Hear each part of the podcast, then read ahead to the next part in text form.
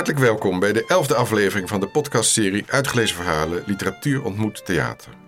In deze reeks maak je even simpel als effectief kennis met het korte verhaal in zoveel verschijningsvormen. We vragen beroepsacteurs ze te komen voorlezen in het theater tijdens een avondvullend programma met verhalen en muziek. Ik ben je gastheer, Pieter van Scherpenberg, samensteller van dat programma. In deze podcast hoor je de mooiste verhalen van die avonden terug. We gaan zo van start met een verhaal van de Duitse schrijfster Karen Keuler, die zelf ook actrice is geweest voordat ze zich volledig op het schrijven stortte.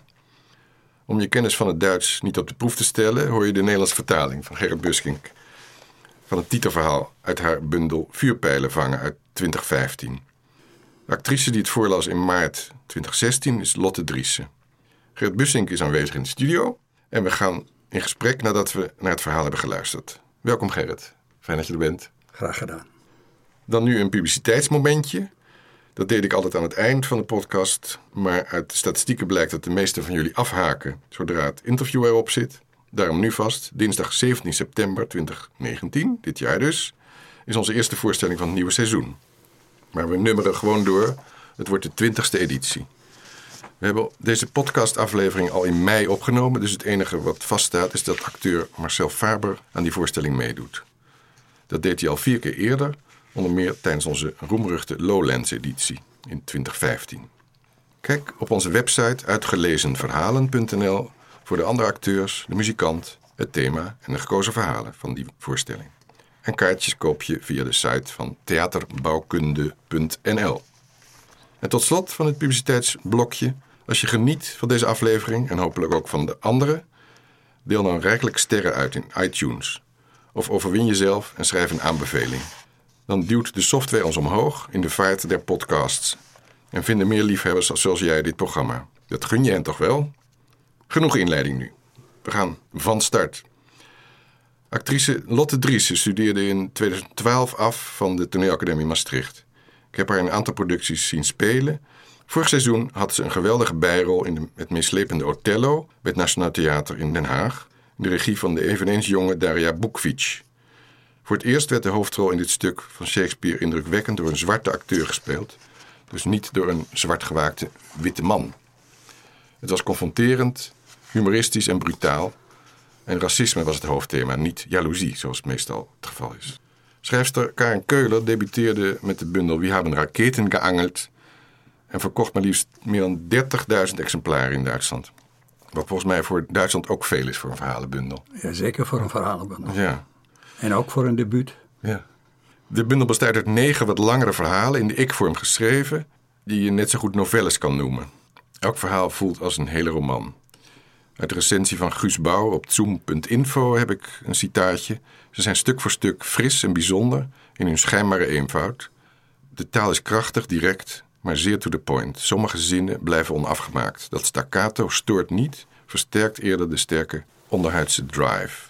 En de geschetste drama's weet hij in alle hardheid toch, nee juist, te ontroeren. Einde citaat. Je hoort zo het titelverhaal, dat is opgebouwd uit 31 zeer korte episoden. Die vorm is vernieuwend en het thema en de inhoud boeiden mij zeer. Ook Lotte Driessen vond het bijzonder, zul je horen aan haar vertolking. Luister naar het verhaal van Karen Keuler, voorgelezen door Lotte Driessen, met als titel Vuurpijlen vangen. Je hebt me de zegelring van je nazi-opa in de hand gestopt met het verzoek hem in zee te gooien. Of ergens anders in het water. Omdat jij het niet kon. Toen heb ik gezegd: Dat doe ik niet. Het is immers niet mijn rotfamilie. Ik heb zelf lijken in de kast en die zit helemaal vol. De jouwe passen daar niet ook nog bij. Ik heb de ring bij mijn plastic spin en andere enge dingen in mijn griezelkist gelegd en hem voor je bewaard. Daar ligt hij nog altijd. Er is een tweede bijgekomen. Twee.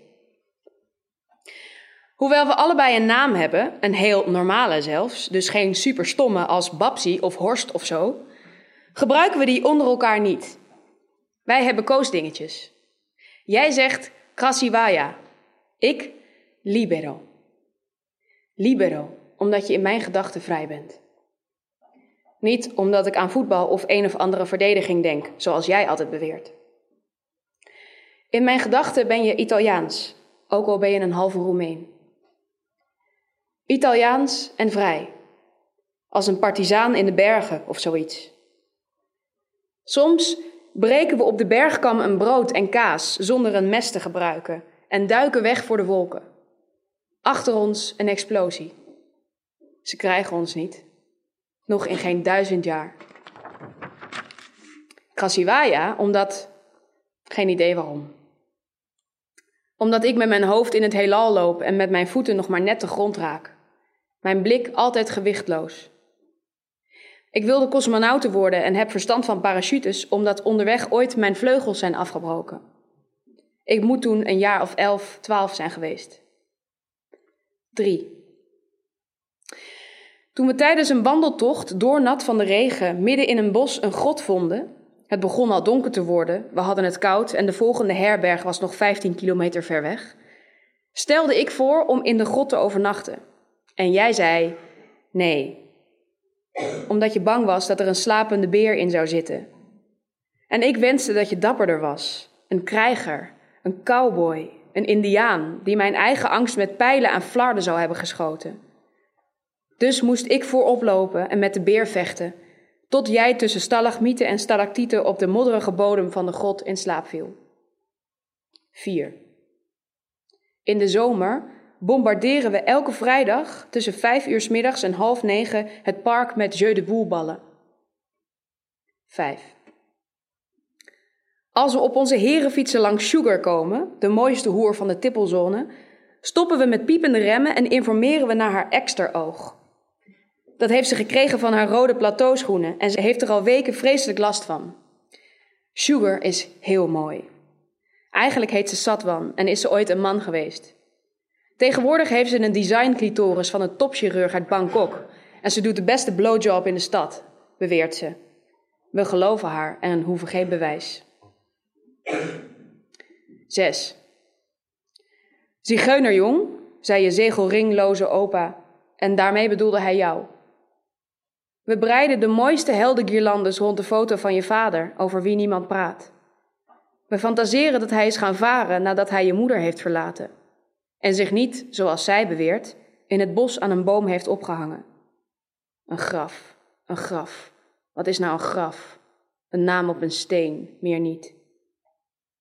We drinken op zijn gezondheid en jouw wortels. En we smijten glazen tegen de muren, tot je medebewoner schreeuwt dat we hufters zijn. Vieze hoer, zei een nazi-opa tegen zijn eigen dochter. Daarop haalde jij doelgericht uit, mikte, sloeg raak en de volgende dag verliet je het dorp. Daarvoor heb ik later een ereoorkonde voor je in elkaar geknutseld en een zweminsigne op je rode t-shirt genaaid. 7. Meteen de eerste dag had ik tegen je gezegd dat je niet verliefd op me moest worden. En toen je dat toch deed, heb ik je een klap verkocht. 8. We hadden uitgerekend dat we met je Vespa in 21,3 dagen bij de Zwarte Zee zouden zijn, als we langzaam reden. We hebben 43 dagen nodig gehad en zijn buikslaper geworden. In Hongarije kregen we onze ruzie en bijna was ik teruggegaan. Maar het was volle maan en Donau en jij kwam met de muzici aanzetten. Mezzecina, mezzecina. En toen kon ik niet meer en ben je om je hals. 9. Mixtape. Kant A. Jouw kant. François Hardy. Oh oh chérie. Ernst Busch. Heimliche Aufmarsch. Bregovic. Mezzecina en Edelezi. Jacques Brel. Ne me quitte pas. Danzig. Mother. D.A.D. Sleeping my day away. The The. Love is stronger than death. Jouw springerige choreografie maakte me duizelig. Kant B, mijn kant. Nouvelle Vague, This is not a love song. Kim Wilde, Cambodia. Dead Kennedys, Holiday in Cambodia. Lard, They're coming to take me away, haha. Fugazi, Waiting Room. Pixies, Debaser. The No Twist, Moron. Nouvelle Vague, Too Drunk to Fuck. 10. Wanneer gaan jullie eindelijk trouwen? vraagt de een. Waarom zijn jullie eigenlijk geen stel? Vraagt de ander. 11. We dronken samen een fles Jameson en scholden op de wereld. Daarna ging jij achter het drumstel zitten Ik greep de microfoon en zong met pruik en zonnebril op, eerst voor jou, op jouw beat, en daarna in de videocamera. Tot ik verstrikt raakte in de microfoonkabel en met camera en al op de grond belandde, waar ik de slappe lach kreeg. Toen ik de volgende ochtend de opnames bekeek, merkte ik dat we gezoend hebben voor ik in slaap viel en jij op stop drukte. 12. Telefoontje. Tring, tring, tring, tring, tring. Jij, heel kort af. Ja, ik. Ik ben het. Mm. Lig je nog in bed? Vijf seconden later. Jij weer. Shit, hoe laat is het? Zeg niet dat je nog in bed ligt. Waarom niet? Omdat het verdomme half vier in de middag is, daarom. Fuck, echt? Ja. Oh shit. Aanstekergeluid. Afspraak verslapen? Yep. Iets belangrijks? Yep. Wanneer ben je vannacht eigenlijk verdwenen? Weet niet, was al ochtend. Je rookt. Ik luister. Daarna ik. Kan ik je fiets lenen? De mijne is gejat. Kom maar langs. We hebben gisteren gezoend. Yep. Was het lekker? Ik kan het me namelijk niet herinneren. Je was top, baby. Zak. Tot zo. 13. Mijn verjaardag valt altijd in de winter. Elk jaar. Dat vind ik niet fijn. Omdat ik elke keer een groot feest wil. Met al mijn vrienden in het park. Of aan een meer met een vuur en buiten slapen en dat soort dingen. Vorig jaar zomer belde je bij mij aan. Je haalde me over om mee te gaan zwemmen en poten me op de Vespa. Vanaf het parkeerterrein tot aan de oever had je mij over je schouder hangen en ik zong een kinderliedje. Toen er aan het meer een feesttafel bleek te staan met daaraan onze vrienden en toen iedereen happy birthday zei, wist ik dat je gek bent en rende ik weg. Wat een geluk dat jij sneller bent dan ik. 14. We maken alleen ruzie aan onze ruziemachine, een oude Olympia, en de regels zijn als volgt. Steeds maar één tegelijk aan het toetsenbord. Er mag alleen worden geschreven en niet gesproken. Steeds maar één zin, daarna is de ander weer aan de beurt. De ruzieteksten worden bewaard in ordners die zijn voorzien van jaartallen. 15. Handen omhoog, riep ik toen ik een overval pleegde op het café waar jij achter de bar stond. Mijn agenten waterpistool strak op jou gericht. Je keek naar je baas, die allang al zijn vingers omhoog had gestoken. Daarop begon je te grijnzen, je legde je handdoek neer en langzaam, tergend langzaam, stak je je handen omhoog. Dit is een ontvoering, zei ik met een knipoog naar je baas. Ik ving je verwilderde blik op, haalde over, trof je voorhoofd en beval je achter de bar vandaan te komen. Buiten blinddoekte ik je. Ik zette een Walkman op je hoofd en draaide je voor het café een paar keer om je as om te zorgen dat je je oriëntatie verloor. Zigzaggend omvoerde ik je naar het station en daarna met de trein naar zee, waar we s'avonds aankwamen. 16. Kerst met je moeder. Je opa lag toen al onder de grond en je moeder was eenzaam, dus nodigden we haar uit om kerst samen met ons te vieren. Kerstavond bij jou, met gans en rode kool, een kerstboom en knoedels en wijn en gezang. Eerste kerstdag bij mij, op de bank, met restjes van de vorige dag. Koekjes en The Godfather 1 tot 3. De volgende dag was voor jullie en ik heb me toen in mijn eentje eenzaam gevoeld. 17. Half bevroren stonden we met jouw oude hengeluitrusting in de hand op de brug over het stadspoor. Allebei in hengel. De lucht was allang weer afgekoeld van het grote geknal. En toen hebben we vuurpijlen in lege flessen gestoken en het snoer van onze hengels vastgemaakt aan het houten stokje van de pijlen. Commencing countdown, engines on. Synchroon hielden we onze aansteker bij onze lonten. Vlug de hengels gegrepen. 3, 2, 1. In toom gehouden door de hengelsnoeren suisden de sissende pijlen moeizaam de lucht in en explodeerden boven ons hoofd. We hebben vuurpijlen gevangen. Dat was afgelopen oud en nieuw. 18. De waarom ik niet je vriendin kan zijn, top 10. 1. Je hebt maar één boek. 2. Het boek heeft als titel Excel voor Dummies. 3. Je drinkt altijd. 4. Je ruikt naar mijn vader. 5. Je hebt geen doelen. 6. In al je sokken zitten gaten. 7. Je doet nooit ergens de dop op. 8. Je gaat niet stemmen. 9. Je zoenen smaken naar as. 10. Je zult me verlaten. 19. Gisteren heeft je moeder gebeld. Uit het ziekenhuis. Met jouw mobieltje. Ik dacht dat jij het was en nam op met: Waar blijf je nou, idioot? Waarop je moeder begon te huilen. Ze zei dat ze een brief voor me had en dat je met een leeggepompte maag in het ziekenhuis lag op de intensive care en dat je huisgenootje had gevonden.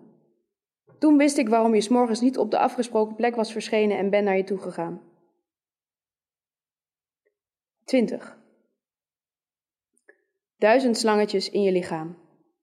Monitoren. Gepiep. Gepomp. Jij in coma. De dienstdoende arts vertelde me dat je je had vergiftigd met pillen. Je had niet meer geademd. Je hersens hadden een aantal minuten geen zuurstof gekregen, waardoor je nu in coma lag. Kunstmatig werd beademd en kunstmatige voeding kreeg. Onduidelijk was of je ooit weer normaal zou worden. Niet erg waarschijnlijk. Hij gaf me de volgende instructies. Praat op een rustige, vertrouwde toon met hem. Vertel hem prettige dingen. Monter hem op. Raak zachtjes zijn huid aan. Praat over vertrouwde namen en situaties. Volgens de arts moest dat ervoor zorgen dat je voor het leven kiest en misschien terugkeert. Anders dan vroeger, dat wel, maar het zou heel goed kunnen dat je na een intensieve revalidatie nog een paar mooie jaren kon hebben, zij het verstandelijk beperkt en in een rolstoel. Ik heb je hand en je arm gestreeld. Op de plekken waar ik bij je huid kon, tussen de buisjes en het verband. Ik heb op rustige toon herinneringen voor je opgehaald, voor je gezongen, een sprookje voor je bedacht en je daarna ongeveer een uur lang uitgescholden. De ongelezen brief heb ik mee naar huis genomen. 21. Je afscheidsbrief. Krasivaya, het spijt me. Libero. 22. Laffe zak, ik heb er genoeg van. 23. Vandaag is het vrijdag. Wie gaat vandaag samen met mij het park bombarderen? En volgende week? En daarna? Ik ken intussen de naam van alle verpleegsters. 24. Ik weet nu wat het poppenkopfenomeen is en waar de stam zit.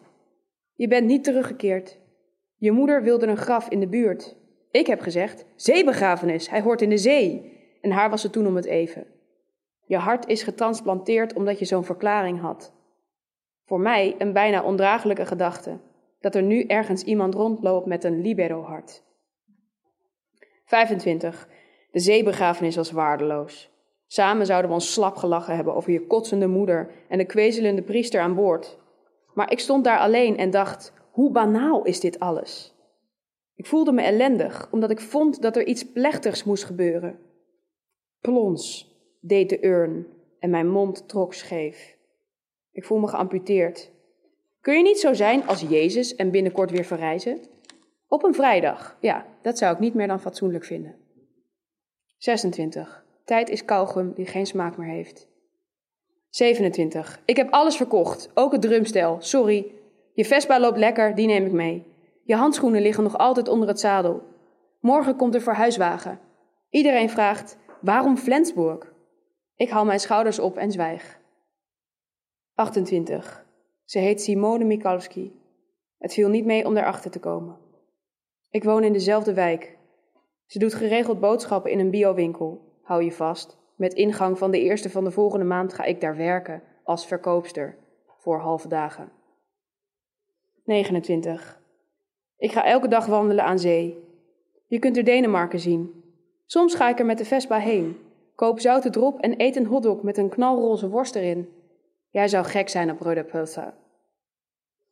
Op je sterfdag heb ik s'nachts een lichtje op het water gezet en tegen de zee staan schreeuwen. 30. Ik kijk haar aan en zoek naar een spoor, een sprankje. Het erge is, jij zou Simone niet mogen, dat weet ik zeker. Sinds een paar maanden zien we elkaar één keer per week. Ze speelt miserabel, jeu de boel. Schaken kan ze ook niet.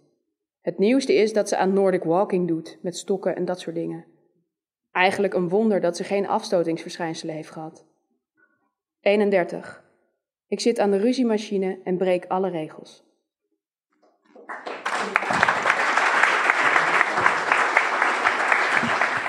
Je hoorde de stem van Lotte Driessen, die op 15 maart 2016 in het Bouwkunde Theater in Deventer dit verhaal voorlas. Het was van Karen Keuler en had als titel Vuurpijlen vangen. In de vertaling van Gerrit Bussink. Deze heeft in Amsterdam germanistiek gestudeerd. Lang geleden neem ik aan. Ja, vanaf 64. en, dan, en dan een jaar of 16. Ja. Dat kon toen nog. Ja. Vervolgens was je werkzaam als docent vertalen, nog steeds geloof ik, of niet? Eh, Ja, dat is eigenlijk pas van het laatste van de laatste tien jaar. Oké. De volgorde heb ik wat omgegooid. Literatuurcriticus, uitgever, redacteur bij radio en televisie. En natuurlijk vertalen, dat, eh, dat heb je al die Altijd, tijd gedaan. altijd, ja. vanaf Ja. 72. Ja. Nu ruim tien jaar ben je eigenlijk exclusief eh, freelance literair vertaler Ja, volgens ja. De, de website van de De vertalersvakschool. wereldomroep waar ik werkte, die werd af- min of meer afgeschaft. En eh, vanaf dat moment ben ik fulltime vertaler. Mhm. Plus dat je dan nog les erin geeft ook. eh. Ja, ja, dat kwam er later bij. Dan, Ja. eh, daar hebben ze dan wat ervaren mensen voor Ja. bij elkaar gezet. Die, eh, die het vak bijbrengen aan andere mensen die het graag willen leren. Ja, dat is een goede opleiding. Ik, heb er ook een jaar op gezeten. Ah, kijk aan. Je hebt meer dan eh, 100 literaire vertalingen op je naam staan, overwegend moderne Duitsstalige literatuur. Zoals van schrijvers, ik heb maar even de uitgepikt die ik ken: Peter Handke, Thomas Bernhard, Hans Magnus Enzensberger en Friedrich Dürrenmatt. In 2015 won hij de vertaalprijs van Stralen in Noord-Rijn-Westfalen. Die geldt als de belangrijkste prijs voor de literaire vertaling uit het Duits. Zijn vertaling van Uwe Tims Vogelweide uit 2013 gaf voor de jury de doorslag. Neem ik aan. Maar ik neem aan dat het ook voor andere vertalingen. Ja, het is een mix. Ze moeten dan een aanleiding hebben. Ja. En dan krijg je in feite een prijs voor je, voor je oeuvre. oeuvre, ja. Ja. Het is een beetje laat om je daarmee te feliciteren, maar het lijkt me geweldig dat die kwam. Ja, ik heb het als een grote eer beschouwd. Ja. Ja, Het is vergelijkbaar met de Nijhoffprijs in Nederland als je die krijgt. En het, want die wordt ook maar één keer per jaar aan alle vertalers uit alle talen uitge- uitgereikt. En dat, eh, dat geldt ook voor die prijs in eh, Stralen. Heel mooi. Even terug naar Karen Keulen, waar we, waarvoor we bij elkaar zitten. Je vertaalde die bundel al een aantal jaar geleden natuurlijk, want hij is in eh, 2015 uitgekomen. Zij schreef hem een jaar eerder. We hebben raketen geangeld. We hebben nu net de vertolking van Lo- eh, actrice Lotte Dries gehoord. Wat, hoe klonk dat voor jou? Het klinkt heel vreemd als je, als je zelf een vertaling gemaakt hebt Ja. en ook al hardop ingesproken hebt. Wat ik Oh. altijd doe. Ik eh, spreek altijd de eerste versie van mijn vertaling in. En dan is het wel heel leuk dat je dus de zinnen hoort, uit, uitgesproken zo hoort zoals je ze zelf in je hoofd had. Mhm.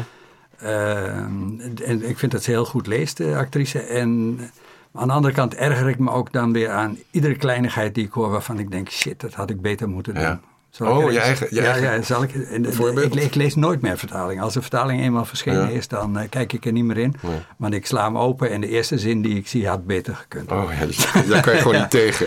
Ik zal je ook vertellen waar, waarmee dat ooit begon. Dat is al, al, al een paar decennia geleden. Ik sla bij een van mijn eerdere vertalingen, ik sla het boek open. En het, echt het eerste woord wat ik zag was vermurmen. Mm. En ik denk, ah, en dat zie je dan over het hoofd. Dat, staat, dat er niet ver- vermurwen staat, maar met een M in Ja. plaats van een W. En ik heb me zo kapot geërgerd dat dat... Want jij ziet het niet, de, de redacteur ziet het niet, de persklaarmaker ziet het, ja. niemand ziet het. En het staat, er- het staat er dan. En, en nu, als ik het nu eh, voorgelezen hoorde en ik heb even meegelezen... Ja. Dan, eh, dan hoor ik ook dat die, eh, dat hoertje de beste blow, blowjob in de stad eh, eh, doet. Dat beweert ze. Van de stad. Hij moet natuurlijk zijn van de stad. Ja, en dat zie ik dan nu, weet je. En dat ergert me dan. Ja. Even later zag ik er nog één. Toen, toen ik de volgende ochtend de opnames bekeek, merkte ik dat we gezoend hebben voor ik in slaap viel. Je zegt niet merkte ik, maar zag ik. Want het gaat om opnames. Hè? En waarschijnlijk heeft zij gezegd in het Duits bemerkte ik of zoiets. En dan, en dan kom ik op het onderwerp van het vertalen uit het Duits. Dat lijkt zo makkelijk. Maar je bent steeds in de verleiding om het net zo te doen als de auteur het eh, gedaan heeft. Terwijl Want je wilt trouw blijven aan de auteur. En dan zegt zij bemerkte ik. En dan zeg ik merkte ik. En dan hoor ik het nu lezen. En dan denk ik shit nee, ik had gewoon moeten zeggen zag ik. ja, zo gaat dat. Ja. En eh, destijds toen je begon aan de bundel, wat, wat, was je, eh, wat vond je van het, het originele Duits? Nou, ik vond, het, ik vond het een fantastische ontdekking. Het is haar debuut. Ja. En ehm, het, ehm, ik, eh, Joost Nijssen van, eh, van uitgeverij Podium, die was erop gestuurd. Respectievelijk had het aangeboden gekregen van, eh, van de uitgeverij Hansen. En, Hansen, en die, was, eh, die was enthousiast en de kritieken waren enthousiast. En ik eh, vertaal eigenlijk eh, het meeste wat eh, Podium doet uit het Duits. Ben, daar ben ik de vertaler Ja. van. Joost Nijssen is een oud student van mij. Die Oh. zat vroeger op de Frederik Muller Academie Oh, als student. Waar ik ook nog een eh, aantal jaren les heb gegeven. Ja. Dus we kenden elkaar ook al uit die hoek. En, ehm, en hij kwam bij mij om eh, met vraag of ik dat wilde vertalen. Ik heb het toen gelezen, vond fantastische verhalen. En dit is daar een mooi voorbeeld Ja. van. En, ehm, en die, ik moet zeggen, die taal ligt mij ook goed. Dat, dat, eh, dat alledaagse wat erin zit. Maar tevens met, een, eh, met, met dubbele bodems erin en, een, eh, en ook een behoorlijke diepgang. Je, je, je krijgt in zo'n verhaal als dit eh, in een notendop alle gevoelens mee die, die, die haar bezielen. En de, de, de innerlijke strijd die, die, die ze heeft. De misverstanden die het leven biedt. En, en, en ze doet dat grandioos. Ze heeft, eh, ze heeft daar maar een paar pagina's voor nodig. Ja. En er gaat echt eh, een klein wereldje voor je open. Vandaar ook dat al die, al die verhalen ook kleine novelles zijn. Mhm. maar, en dat geldt echt voor alle verhalen Ja. die er in die bundel staan. Ja, vind ik ook. Ik las ook eh, op de website van de uitgeverij Podium dat ze er om gestreden hebben wie het mocht vertalen, maar dat Podium het kreeg omdat ze al zo'n mooie reeks van eh, verhalenbundels eh, Ja, ja, dat was omdat consistent eh, uitgeven. Ja, verhalenpodium staat ook op het omslag. Ja. Eh, daar, daar past het ook perfect in. Dat, Ja. dat, zijn, dat is een serie verhalenbundels. Die, want ook in Nederland verhalen publiceren, dat is echt lastig geworden. Mhm. Bijna niet te verkopen. Ja. Maar zo'n zo'n serie verhalen publiceren, dat, daar moet je lef voor hebben. Ja. En ze hadden een fijne neus daarvoor en hebben natuurlijk ook aanbiedingen gekregen van andere uitgeverijen die, die de, de, de, serie van- kenden. Ja. En eh, zo van, oh, daar past dat mooi in. En dan komt zo'n uitgever of een agent, wie dat dan ook doet, die komt dan natuurlijk ook terecht bij, de, bij het podium in dit geval. Ja. Ja, het- ik neem aan dat het ook opviel omdat het zo'n succes was in Duitsland. Ja, dat telt altijd. Ja. Dat telt altijd. Ik, ik, ik, beveel wel eens een boek aan bij de, bij de, omdat ik wel contacten heb en ook vaak wel eh, op de hoogte ben van boeken die er, die er aan zitten te komen. En dan beveel ik een boek aan bij, bij een uitgever in Nederland. En als je dat als vertaler doet en ze nemen het, dan eh, ben jij ook de vertaler. Dus dat levert dan ook weer mooie, mooie klussen op. Ja. Maar eh, dan is toch heel vaak de reactie van, eh, wel, ja, ja, eigenlijk wel aardig, maar laten we maar eens even afwachten wat de Duitse kritiek ervan zegt. Want de Nederlandse kritiek, die kijkt toch altijd even op internet van wat, wat, wat is de reactie geweest In in, eh, Duitsland, in Duitsland. En als daar slechte kritieken opgekomen zijn, dan kun je het echt wel vergeten in Nederland. Ja. ja, we hebben net gehoord, het- het verhaal was een goed voorbeeld van een tekst die zich weinig aantrekt van vertelconventies. Hè, dus opgedeeld in hele korte stukjes. Mhm. eh, van de hak op de tak in een tijd en, en, en plaats. Betekent dat ook voor jou een andere manier van vertalen? Ehm, je vertaalt eigenlijk dat wat de schrijver jou dicteert. Dus Mhm. het, het, het heeft, eh, je, als vertaler hoor je je aan te passen aan het niveau en aan de intenties van, de, van de schrijver. Je bent een soort acteur. Of, een, of een muzikus, zal ik maar zeggen. Hè, die dus probeert eh, te begrijpen wat de, de, degene die het, die het geschreven of gecomponeerd heeft, wat die, eh, wat die doet en wat die bedoelt. En daar moet je je in kunnen vinden. En eh, dat, dat je daarin kunnen vinden, dat is bij, bij Karen Keulen helemaal geen moeite. Dat zijn echt fantastische verhalen Ja. waar iedereen zich volgens mij in zou kunnen Ja. vinden. Dus het is ook een extra genot om daar dan als vertaler aan te kunnen Ja. werken. Ja, een ander goed voorbeeld is inderdaad dat een, reeks prentbriefkaarten en korte brieven van de ik-figuur, een vrouw, die ze uit Italië volgens mij naar Duitsland stuurt, naar haar geliefde. Ja, ja, ze, gaan, ja, het is een schitterend verhaal. het is eigenlijk helemaal geen verhaal. Nee. Het, het zijn gewoon, hoeveel, hoeveel zijn het? Een stuk of dertig eh, briefkaarten, Ja. eh, eh, aanzichtkaarten, die, die een, een vrouw stuurt vanuit Italië. Er zitten twee brieven bij, als ik me goed herinner. En de rest, dat zijn, brief, dat zijn prentbriefkaarten vanuit de verschillende plekken in Italië waar Ja. ze is. En dat zijn, dat zijn maar hele, zijn soms Ja, maar drie, vier regelige ja. tekstjes. Maar als je die leest, zij schrijft die aan haar eh, vriend, misschien wel ex-vriend, maar ze houdt wel van hem en dat merk je ook. Maar ze is in tweestrijd met zichzelf en ze, ze is naar Italië gegaan om voor zichzelf duidelijkheid te krijgen. Ja, dat kom je op En, achter. en aan de ja. ene kant, eh, haar innerlijke strijd eh, eh, komt in die teksten tot uitdrukking. En voor, om een innerlijke strijd aan je vriend of ex-vriend eh, of bijna ex-vriend eh, te, te, te laten te kennen te geven, heb je ook niet meer dan drie regels nodig soms. En dat doet ze gewoon brutaal. Ze gaat er niet een mooi, weet ik veel wat voor zinnen omheen bouwen, maar gewoon pom, pom, pom. Eh, drie regeltjes en je weet precies wat ze voelt en waar, waar ze is. Heerlijk. Nou, dan gaan we even inzoomen op de titel van het boek. Oorspronkelijk was het We hebben raketen geangeld. Het is ook de, eh, de, titel van het verhaal wat we net hoorden. Letterlijk zou je kunnen zeggen is dat we hebben vuurpijlen gehengeld, maar dat is natuurlijk geen Nederlands. Hoe het uiteindelijk geworden is, vuurpijlen vangen, is denk ik de beste keuze. Maar de Nederlandse titel beschrijft het resultaat van het hengelen. We hebben hem gevangen, of we zijn hem aan het vangen. Terwijl Ja. het Duits gaat meer over de actie nog. Maar, Ja, de Duitse tekst is meer eh, terugblik op het verleden. Hè. Dat, dat is verleden tijd. En, ehm, maar dat vind ik echt een detail. Ja. En het, vuurpijlen in het Duits heet eh, raketen. Dat zijn gewoon de vuurpijlen die, ze met, die met oud en nieuw worden afgeschoten. En eh, wat zij doen in dat verhaal, dat is een, ehm, die dingen in een fles zetten, maar vastmaken eraan. aan een werphengel. Ja. Dat vond ik wel vind ik een geniaal idee ook. Hè? Eh, dus je, je vangt geen vissen, maar je vangt vuurpijlen, want je schiet ze af. En er staat dan, zag ik ook net, eh, dat wil ik toch nog eens een keer nakijken, dat ze in toom gehouden worden door de, eh, door de, Door de door de, door de hengel. Door, het- door het snoer van de hengel. En ik weet niet of dat wel de goede uitdrukking is. Want als ze in toom gehouden worden, zou je eigenlijk kunnen zeggen: blijven ze in die fles zitten, snap je? Ah, ja. Maar ze worden gevangen. En dat is weer iets anders dan in toom houden. Dus ik ben, eigenlijk nieuwsgierig geworden nu na het lezen, na het horen van de tekst. Naar het origineel. eh, wat er in het origineel staat. Ik, ik, ik vermoed, anders zou ik het niet zo gezegd hebben in de vertaling. Ik vermoed dat er ook zoiets in het Duits staat van, van in toom houden. Ja. Die tijd is er nu niet om dat eh, Nee. te gaan opzoeken. Maar ik stelde de vraag om. Het is dus altijd een soort benaderen wat je doet met. het vertalen als, als een letterlijke vertaling niet mogelijk is. Is dat, is dat een frustratie of is het gewoon voor jou gegeven bij, in je werk? Dat is een gegeven. Je kan niet hetzelfde doen als de auteur Ja. doet. En, want je hebt met zoveel factoren rekening te houden. Je hebt rekening te houden met, eh, met de bedoeling van de, van de auteur. Je hebt rekening te houden met de taal van de auteur. Je hebt rekening te houden met de cultuur waarin het geschreven is. En ehm, met name wat die cultuur betreft, ehm, moet, je, moet je altijd oppassen.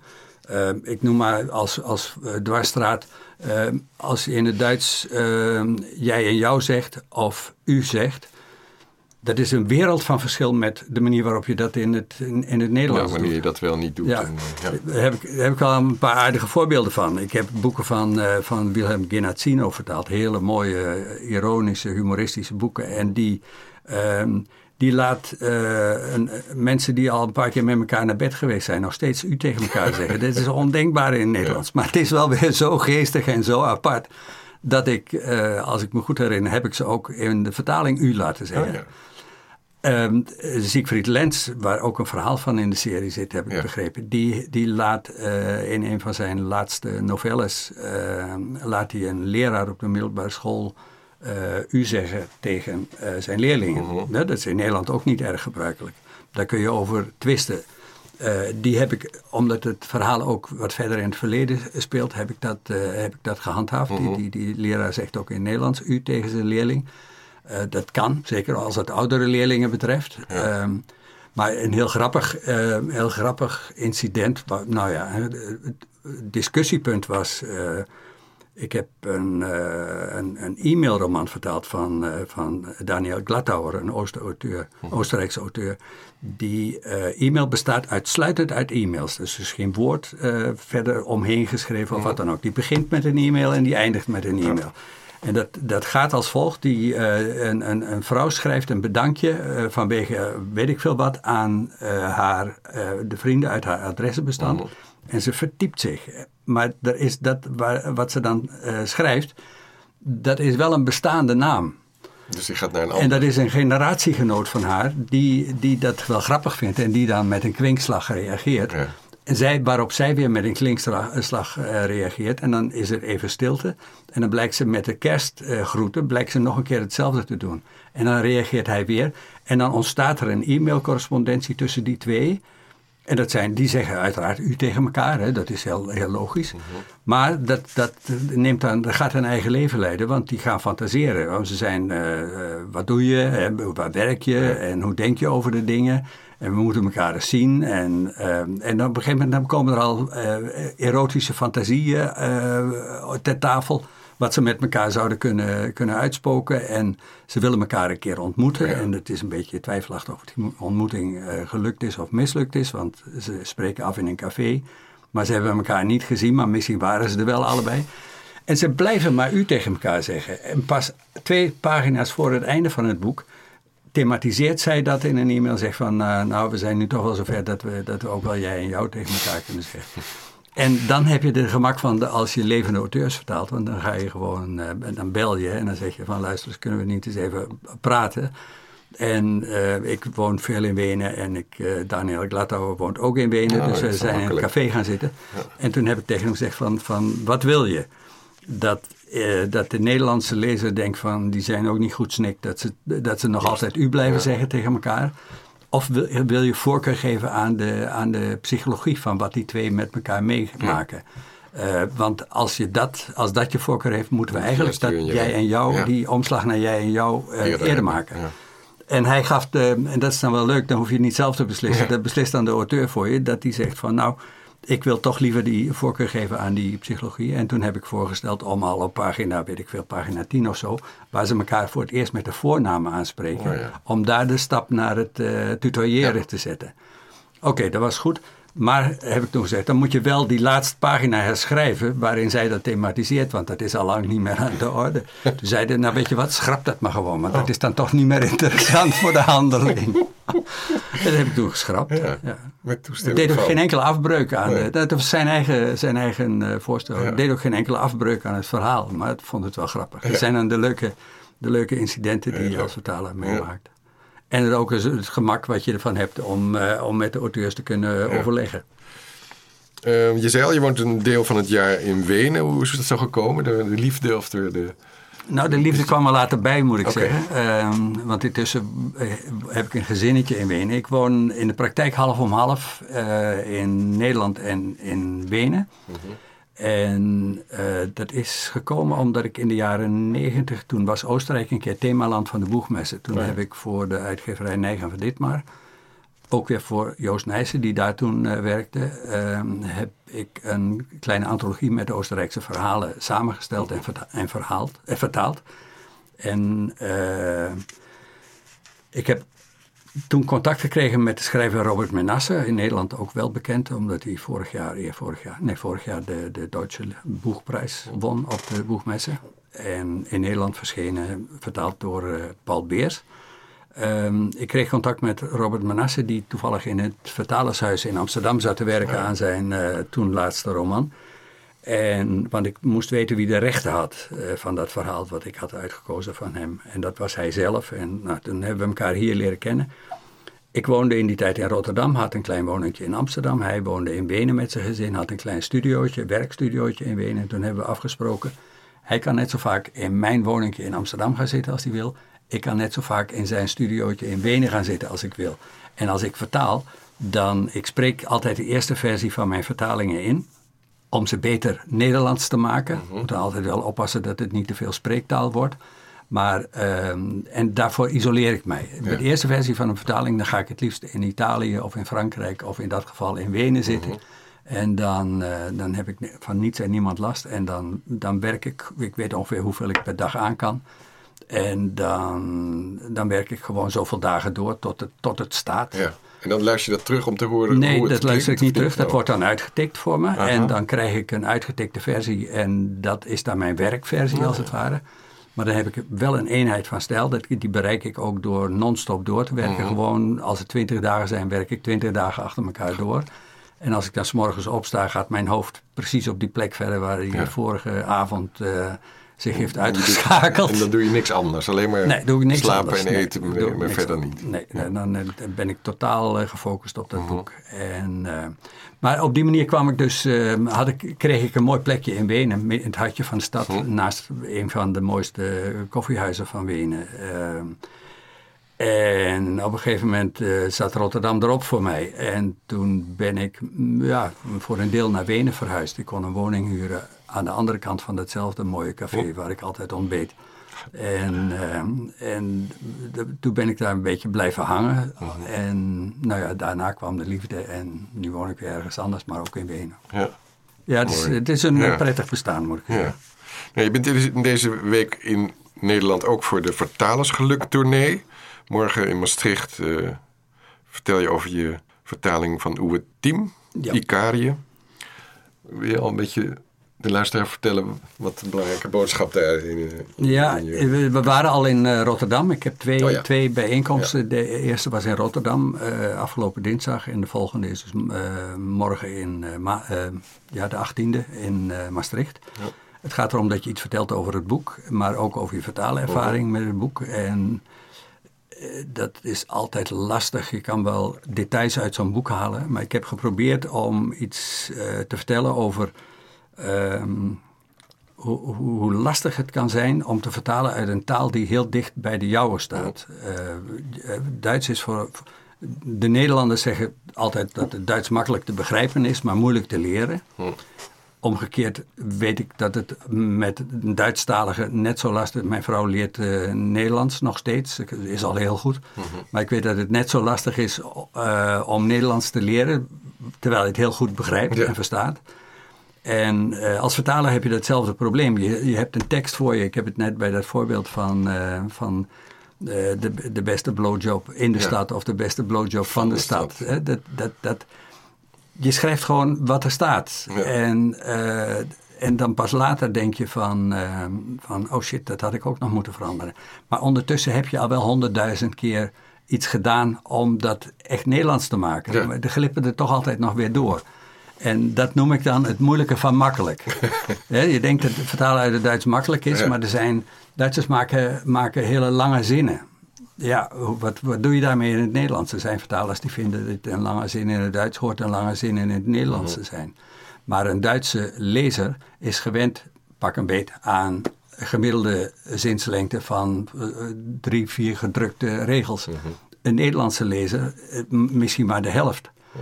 En eh, een, het Duits heeft ook eh, de gramma- grammaticale mogelijkheden om lange zinnen te maken. Hè, vanwege de drie geslachten, die, die, de, de mannelijk, vrouwelijk, onzijdig zijn drie geslachten. Daar horen drie verschillende bijvoeglijke naamwoorden bij, eh, bij. En die zijn allemaal verschillend, hebben ook weer vier naam, naamvallen, die ook weer verschillend zijn. Dus als er een bijvoeglijk naamwoord staat, kan je in het Duits meteen zien. Dat dat slaat op, daarbij, da- ja. op dat voorafgaande ehm eh, zelfstandig naamwoord. En in het Nederlands kan je dat dan niet meer zien, omdat wij die, die, die differentiatiemogelijkheden niet hebben. In dat geval moet je dan gewoon, vind ik, zinnen opknippen. Mhm. Maar de, het, de lange zin kan ook een stijlmiddel zijn. Peter Handke maakt lange zinnen, daar leeft hij van. Dus moet je in het Nederlands een vertaling maken. Die leeft van de lange zinnen. Ja. Maar die hoeven niet zo lang te zijn Als als, van hem. Handke. Maar Nee. die kunnen ook half zo lang zijn. Maar Ja. de indruk die het eh, oproept bij de lezer is natuurlijk dezelfde. Ja. Dus je zit altijd met dit soort overwegingen. Je moet heel goed opletten dat je stilistisch in de buurt van de, van de schrijver bent. En dat je dicht bij de bedoelingen van de schrijver blijft, eh, blijft zitten. Oké.